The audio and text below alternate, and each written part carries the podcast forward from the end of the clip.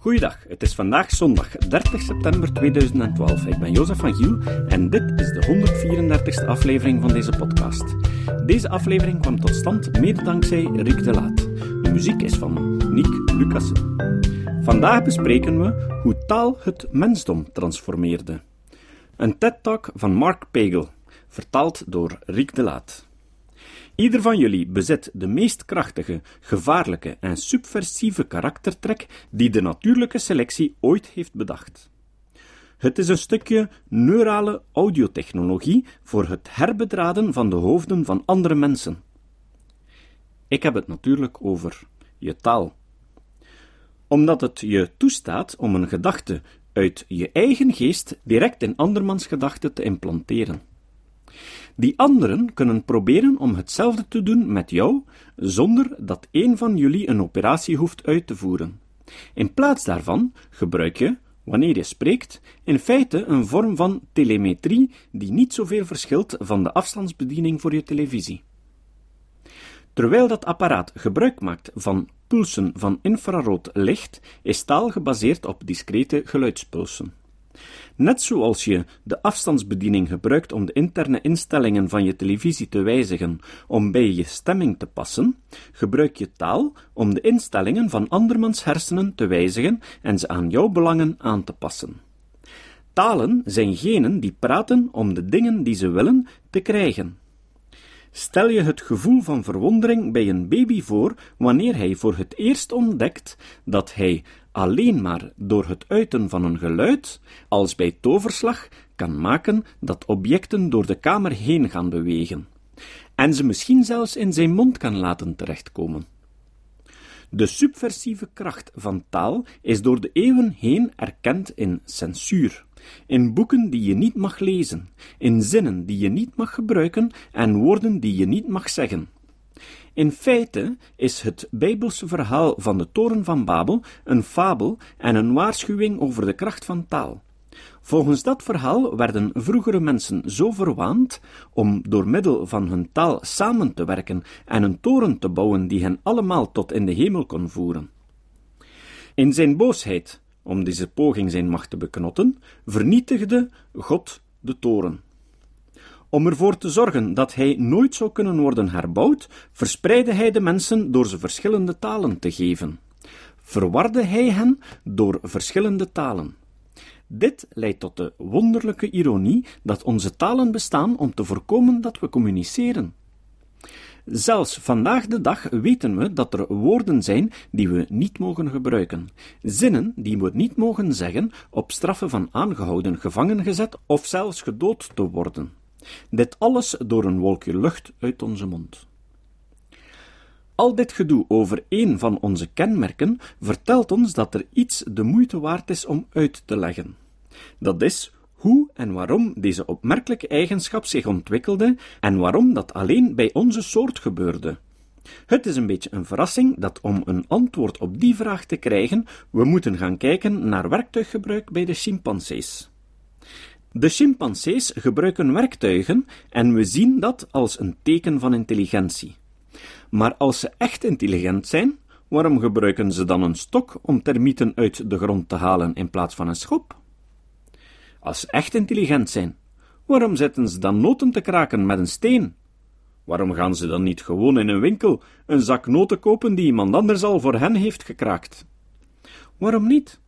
Ik bedoel, dat is toch wat wij doen? De reden dat chimpansees dat niet doen, is dat ze wat psychologen en antropologen sociaal leren noemen missen. Het lijkt dat hen het vermogen ontbreekt om van alles te leren door kopiëren, imiteren of gewoon kijken. Als gevolg daarvan kunnen ze de ideeën van anderen niet verbeteren of leren van de fouten van anderen, profiteren van andermans wijsheid. En zo blijven ze altijd maar weer hetzelfde doen, opnieuw en opnieuw en opnieuw.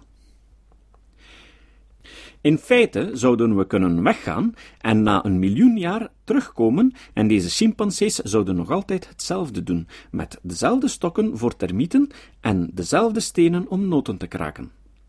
Dat klinkt misschien arrogant of zelfs overmoedig. Maar hoe weten we dit? Omdat dit precies is wat onze voorvader, de Homo erectus, deed. Deze rechtoplopende apen evolueerden ongeveer 2 miljoen jaar geleden op de Afrikaanse savanne. Ze maakten prachtige vuistbijlen die mooi in je hand passen. Maar als we kijken naar het fossielen bestand, dan zien we dat ze dezelfde vuistbijl steeds weer opnieuw maakten. 1 miljoen jaar lang. Je kan dat volgen in het fossielen bestand.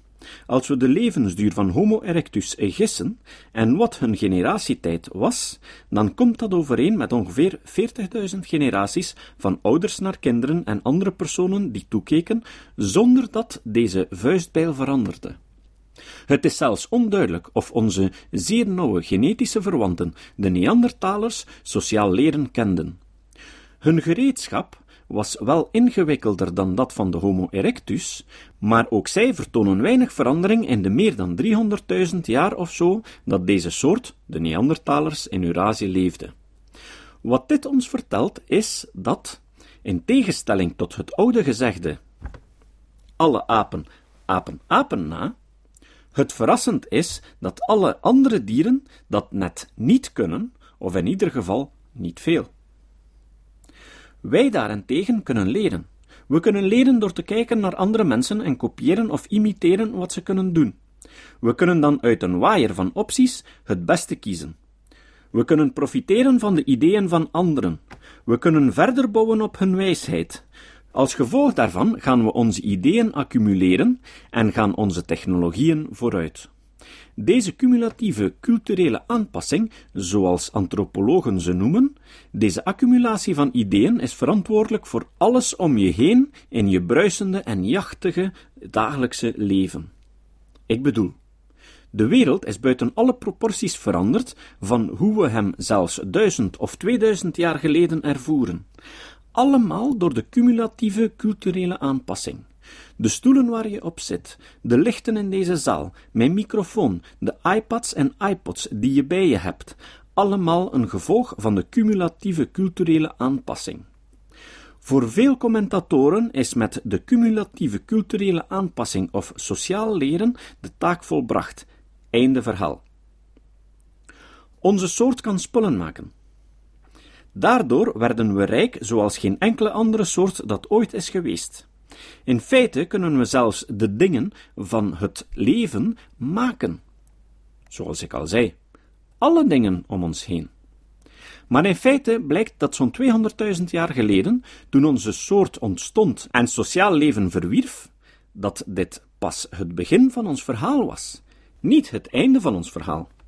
Dat sociaal leren zou leiden tot een sociaal en evolutionair dilemma, waarvan de afloop, moeten we zeggen, niet alleen de koers van onze psychologie, maar de koers van de hele wereld zou bepalen. Het belangrijkste is dat het ons zal vertellen waarom we taal hebben.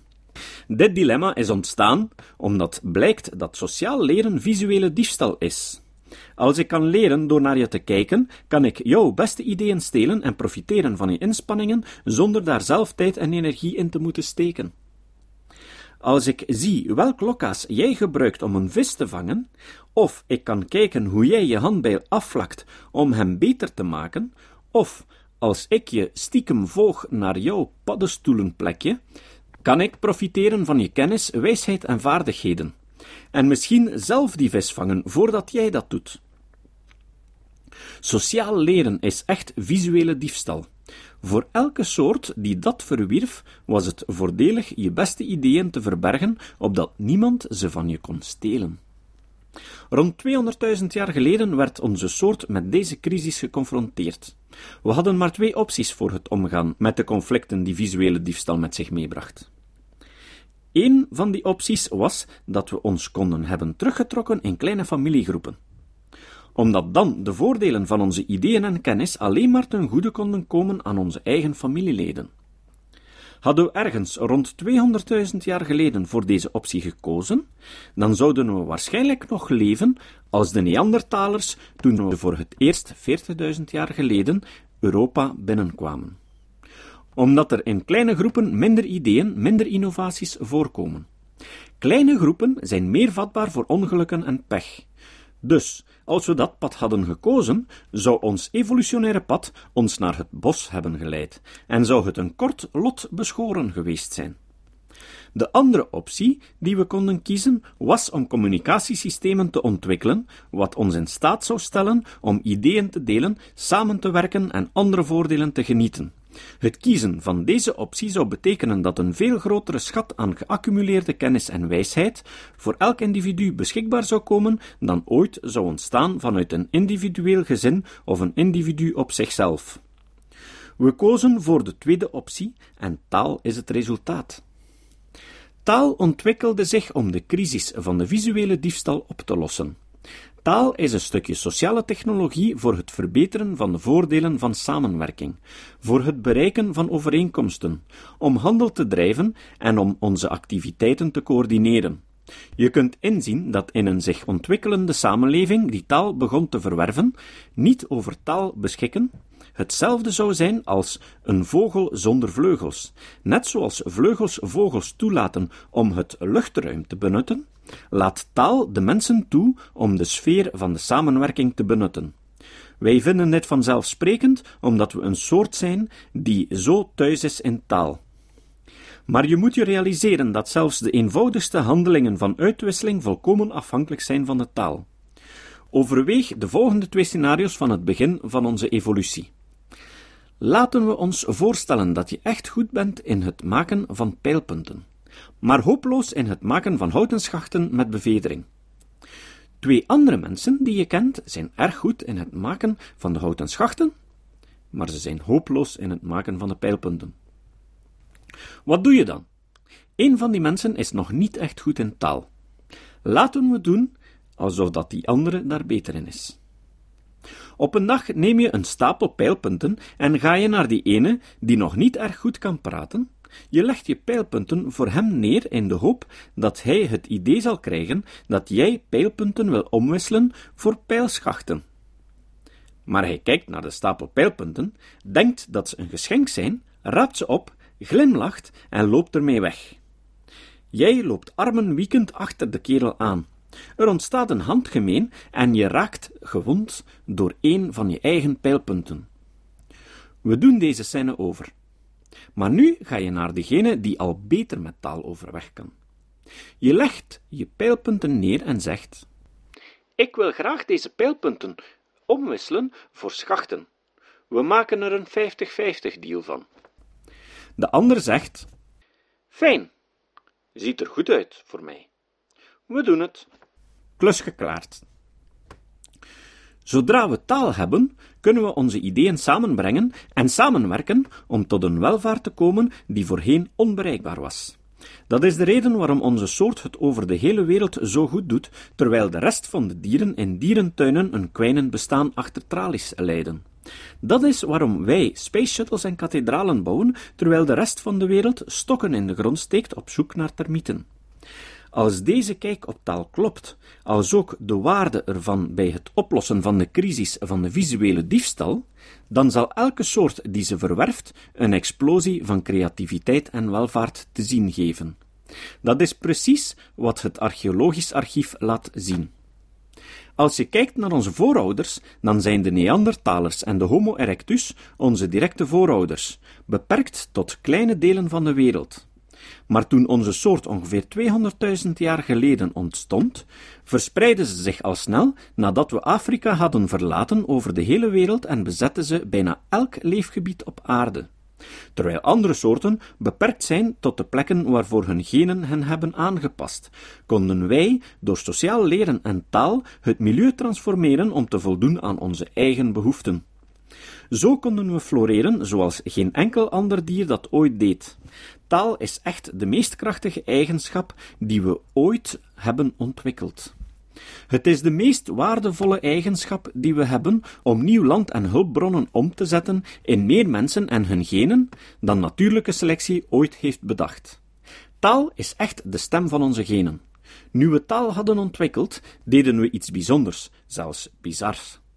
Terwijl we ons over de hele wereld verspreiden, ontwikkelden we duizenden verschillende talen. Op dit moment worden er ongeveer zeven of achtduizend verschillende talen gesproken op aarde. Nu zou je kunnen zeggen, Nou ja, dat is maar natuurlijk. Als we uit elkaar gaan, zullen onze talen natuurlijk gaan verschillen. Maar het echte raadsel, de ironie is dat de grootste dichtheid van verschillende talen op aarde te vinden is waar mensen het dichtst op elkaar wonen. Op het eiland Papua-Nieuw-Guinea vinden we ongeveer 800 tot 1000 onderscheiden menselijke talen. Verschillende menselijke talen, gesproken op dat eiland alleen. Er zijn plekken op dat eiland waar je om de 3-4 kilometer een nieuwe taal kunt tegenkomen. Hoe ongelooflijk dit ook klinkt, ik ontmoette eens een Papua en vroeg hem of dit waar kon zijn. Hij zei: Ach nee, ze zitten nog veel dichter bij elkaar dan dat. Dat is waar. Er zijn plekken op dat eiland waar je op een goede kilometer een nieuwe taal kunt tegenkomen. Dat geldt ook voor sommige afgelegen oceanische eilanden. Het lijkt erop dat we taal niet alleen gebruiken om samen te werken, maar ook om kringen rond onze coöperatieve groepen af te bakenen, om een identiteit vast te leggen en misschien om onze kennis, wijsheid en vaardigheden te beschermen tegen afluisteren van buitenaf. Hoe weten we dat? Als we verschillende taalgroepen bestuderen en deze koppelen aan hun cultuur, zien we dat verschillende talen de doorstroming van ideeën tussen groepen vertragen. Ze vertragen de doorstroming van technologieën. Ze vertragen zelfs de stroom van genen. Nu weet ik niet hoe dat met jullie zit, maar het lijkt zo te zijn dat we geen seks hebben met mensen waar we niet mee kunnen praten. Nu moeten we dat toch tegenspreken. Al hebben we hier bewijzen gehoord dat er ooit nogal smakeloos genetisch gestoei met Neandertalers en Homo decinova heeft plaatsgevonden. Maar deze tendens, deze schijnbaar natuurlijke neiging tot isolement, tot onder elkaar blijven, loopt te pletter tegen onze moderne wereld. Als je de vriendschapskoppelingen op Facebook op hun lengte- en breedtegraad uitzet, tekenen ze letterlijk een kaart van de wereld. Onze moderne wereld communiceert met zichzelf en met elkaar meer dan dat dat ooit in het verleden het geval was.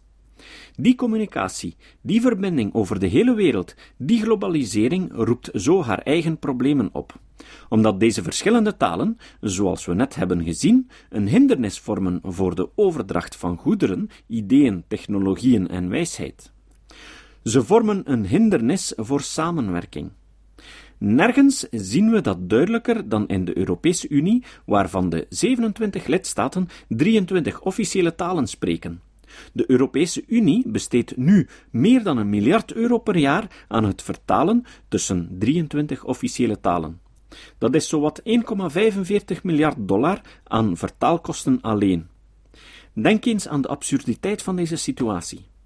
Als 27 mensen van die 27 lidstaten rond de tafel zitten met hun 23 talen, dan kan zeer eenvoudige wiskunde je vertellen dat je een leger van 253 vertalers nodig hebt om te anticiperen op alle paarsgewijze mogelijkheden. De Europese Unie heeft een vaste staf van ongeveer 2500 vertalers. Alleen al in 2007, en ik weet zeker dat er meer recente cijfers bestaan, werden ongeveer 1,3 miljoen pagina's vertaald naar het Engels alleen. Als taal echt de oplossing is voor de crisis van de visuele diefstal, als taal echt de leidraad van onze samenwerking is, de technologie die onze soort uitvond door het bevorderen van de vrije stroom en uitwisseling van ideeën in onze moderne wereld, dan hebben we ons een vraag te stellen. En die vraag is of we in deze moderne geglobaliseerde wereld het ons nog kunnen veroorloven om al deze verschillende talen te hebben. De natuur kent geen andere omstandigheid waarin functioneel gelijkwaardige eigenschappen naast elkaar bestaan. Eén van hen drijft altijd de andere tot uitsterven. We zien dit in de onverbiddelijke opmars in de richting van standaardisatie. Er zijn heel veel manieren om dingen te meten, te wegen en hun lengte te meten maar het metrieke stelsel krijgt de overhand. Er zijn heel veel manieren om tijd te meten, maar een echt bizar, zestigdelig systeem, bekend als uren, minuten en seconden, is bijna universeel over heel de wereld. Er zijn vele, vele manieren om cd's of dvd's te drukken. Maar ook die zijn allemaal gestandaardiseerd. Zo kan je waarschijnlijk nog veel meer dingen uit je eigen dagelijks ervaring bedenken. Onze moderne wereld confronteert ons nu met een dilemma. Het is het dilemma waar een Chinese man dagelijks mee te maken heeft. Zijn taal wordt door meer mensen in deze wereld gesproken dan enige andere taal. Toch zit hij voor zijn bord Chinese zinnen om te zetten naar Engelse zinnen. Dit suggereert dat we in een wereld leven waarin we samenwerking en uitwisseling willen bevorderen. Een wereld die meer dan ooit tevoren afhankelijk zou kunnen zijn van samenwerking om ons niveau van welvaart te behouden en te versterken. Wat hij doet suggereert ons dat het misschien onvermijdelijk is dat we aan het idee gaan wennen van een wereld met één taal. Bij het inlezen van deze tekst moest ik onwillekeurig aan twee dingen denken. Waarschijnlijk, nergens buiten Papua is er zo'n diversiteit aan dialecten over zo'n kleine afstand als in Vlaanderen. Er is zelfs een duidelijk hoorbaar verschil tussen het dialect van Brugge en Damme, van Bellegem en Kortrijk. In de middeleeuwen bestond Vlaanderen uit rijke steden als kleine koninkrijkjes, die hun intellectuele eigendommen tegen andere steden moesten beschermen. Nu zijn Vlamingen de beste sprekers van vreemde talen, en kunnen we andermans ideeën stelen, maar tegelijkertijd onze ideeën enkel met de Nederlanders delen. Het andere waar ik moest aan denken is het volgende. Vorig jaar heb ik beroepshalve wat patentonderzoek gedaan. Het is op zo'n moment enorm ontnuchterend dat tegenwoordig meer dan de helft van de gepubliceerde patenten in het Chinees zijn. Terwijl de Chinezen wel de Engelstalige patenten kunnen lezen, kunnen wij hun patenten niet lezen.